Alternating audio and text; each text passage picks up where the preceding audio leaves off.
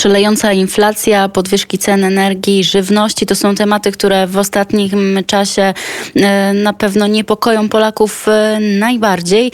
Remedium na to ma być tarcza antyinflacyjna, którą zaprezentował premier Mateusz Morawiecki. Dziś ma nad nią debatować e, Sejm, a gościem Kuriera w Samo Południe jest Marcin Roszkowski, ekonomista i prezes Instytutu Jagiellońskiego. Dzień dobry. Dzień dobry Państwu, dzień dobry Pani redaktor. Czy rzeczywiście tarcza antyinflacyjna to według Pana dobre rozwiązanie, które pomoże walczyć z tymi e, efektami kryzysu? No ten e, kryzys jest na wielu y, poziomach. Ta druga tarcza zdecydowanie bardziej mi się podoba, bo tam rząd robi, y, oddziaływuje na rynek poprzez ograniczenie podatków. Czy to są takie oczywiste rzeczy, które można zrobić w sytuacji kryzysowej, bo zarówno dotyka to akcyzy, jak i VAT-u, czyli tak naprawdę obniżenia danin publicznych, które, które podnoszą cenę.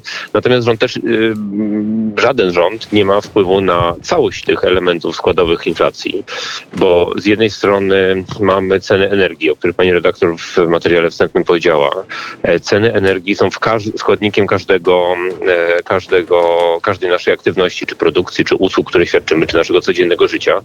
E, I efekt jest taki, że jak gaz wzrasta o 700, 1000% albo energia elektryczna o 400-600, to mamy, to to się przekłada nie bezpośrednio, znaczy nie na wszystkie elementy ma wpływ rząd. Natomiast tam, gdzie ma widać, że zadziałał. E, jeszcze można zrobić parę rzeczy, zacząć zdejmować te obligacje PFR-u, które zostały w czasie lockdownu wyemitowane. No różne elementy jeszcze można zrobić na, na, na, na rynku, ale już niedużo. Więc to, to jest akurat ruch w dobrym kierunku. A czy ustalenie e, niektórych cen na stałym poziomie e, i te ograniczenia, o których mówi premier, nie doprowadzi do tego, że jednocześnie zwiększy się marża dla przedsiębiorców? I czy to nie jest tylko takie doraźne mm, e, metoda działania, która zadziała trochę później jak bomba z opóźnionym zapłonem? E, no, różne są ryzyka ręcznego sterowania e, cenami. Tam był głos jednego z posłów, który potem odrzucili wiary, od, odsądzono, który chciał cenę żywności e, ustalać maksymalne. Natomiast akurat w paliwach też mamy dyskusję, newsy z wczoraj a propos połączenia Orlen z Lotosem. Natomiast w paliwach akurat rząd ma dużo do powiedzenia, bo jest też dawcą ceny hurtowej poprzez to, że państwowe spółki są właścicielami rafinerii, więc akurat na przykład pali przez paliwa czy przez gaz, e, czy w dużej części przez energię elektryczną. E, e, tutaj ja, ja bym się tego nie, nie obawiał, że to, to, to tu będzie jakiś taki efekt akurat w tym sektorze. Tutaj jeśli chodzi o inflację, oczywiście przyczyn, e, przyczyny są złożone, ale pojawiają się takie opinie, że to e, zwlekanie Narodowego Banku Polskiego, e, jeśli chodzi o mm, jeśli chodzi o spóźnioną reakcję dotyczącą stóp procentowych, mogło ją spotęgować. Zgadza się pan z taką opinią? No byli członkowie Rady Polityki Pieniężnej, którzy już w wakacje, czy nawet przed wakacjami postulowali podniesienie stóp do dwóch punktów e, procentowych. E, takie osoby jak na przykład pan doktor Kamil Zubelewicz. To jest, e, to jest niestety trudne, co teraz powiem ten trend podnoszenia stóp po pierwsze powinien się wcześniej zacząć, a po, po, po, drugie powinien być niestety dalej kontynuowany. Mówię, że to jest bolesne, no bo to dotyka bardzo mocno osób, które mają kredyty, na przykład kredyty e, hipoteczne. Natomiast nie da się zwalczyć inflacji, jeżeli nie będzie mniej, fizycznie mniej pieniędzy na rynku. Jeżeli podaż pieniądza jest za, za, za duża, a usług i towarów jest za mało, e, to albo zmniejszymy ilość e, pieniądza, albo zwiększymy ilość usług i towarów na rynku. No to jest niestety, tutaj innych dobrych rozwiązań nie ma. Innym tematem dotyczącym także tych kwestii energetyczno-gospodarczych jest oczywiście połączenie e, Lotosu, Orlenu i ta kwestia dotycząca, mm, e, zresztą wcześniej ustalona z Komisją Europejską, że część e, aktywów zostanie sprzedana węgierskiemu molowi. Czy to, co w tej chwili pojawia się w mediach, jeśli chodzi o mm, to niebezpieczeństwo uzależnienia od obcego kapitału pan uważa za zasadne? No, rozwiązań, które były na stole, to jest chyba najlepsze. Saudi Aramco e, wchodząc do rafinerii będzie dostarczało też tam paliwo, znaczy su- surowiec do produkcji paliw. E, To jest duży gracz, e, którego tak naprawdę zapraszamy do naszej infrastruktury, zapraszamy na europejski rynek.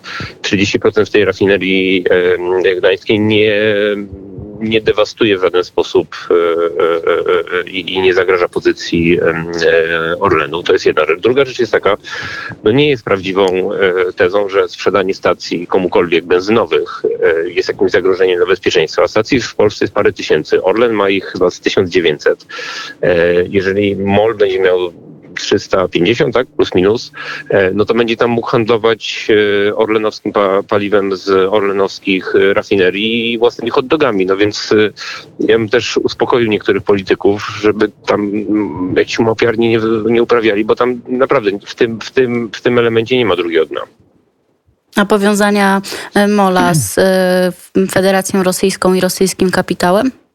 No to jest ta właśnie małpiarnia, która przed chwilą o której wspomniałem, bo y, do Węgrów czy, czy, czy rządu y, premiera Orbana można mieć różne zastrzeżenia, natomiast y, Rosjan w Molu nie ma już od y, ponad 10 lat, jeżeli dobrze pamiętam, więc no nie wiem, tak ciężko to skomentować inaczej, niż żeby sobie ci panowie i panie, którzy tak się ekscytują tym, weszli na stronę giełdy w Budapeszcie i zobaczyli, kto jest akcjonariuszem. No, e, tutaj akurat rząd węgierski e, na początku rządów Orbana e, z tej współpracy zrezygnował, więc a, a, a na końcu e, MOL będzie, oczywiście wymieniamy stacje i tak dalej, ale stacje, stacje oczywiście są wdzięcznym przykładem bo są taką końcówką działania każdego ko- koncernu, koncernu, e, koncernu paliwowego. E, Widzimy tam te słupki z cenami, tankujemy, możemy kupić e, kanapkę czy hot doga.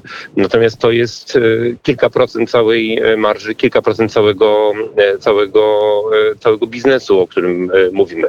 Więc ekscytowanie się stacjami no, jest naprawdę nie, no, nietrafione, jeżeli chodzi o, o tą narrację polityczną przestrzeni politycznej, bo większość analityków jednak to rozumie.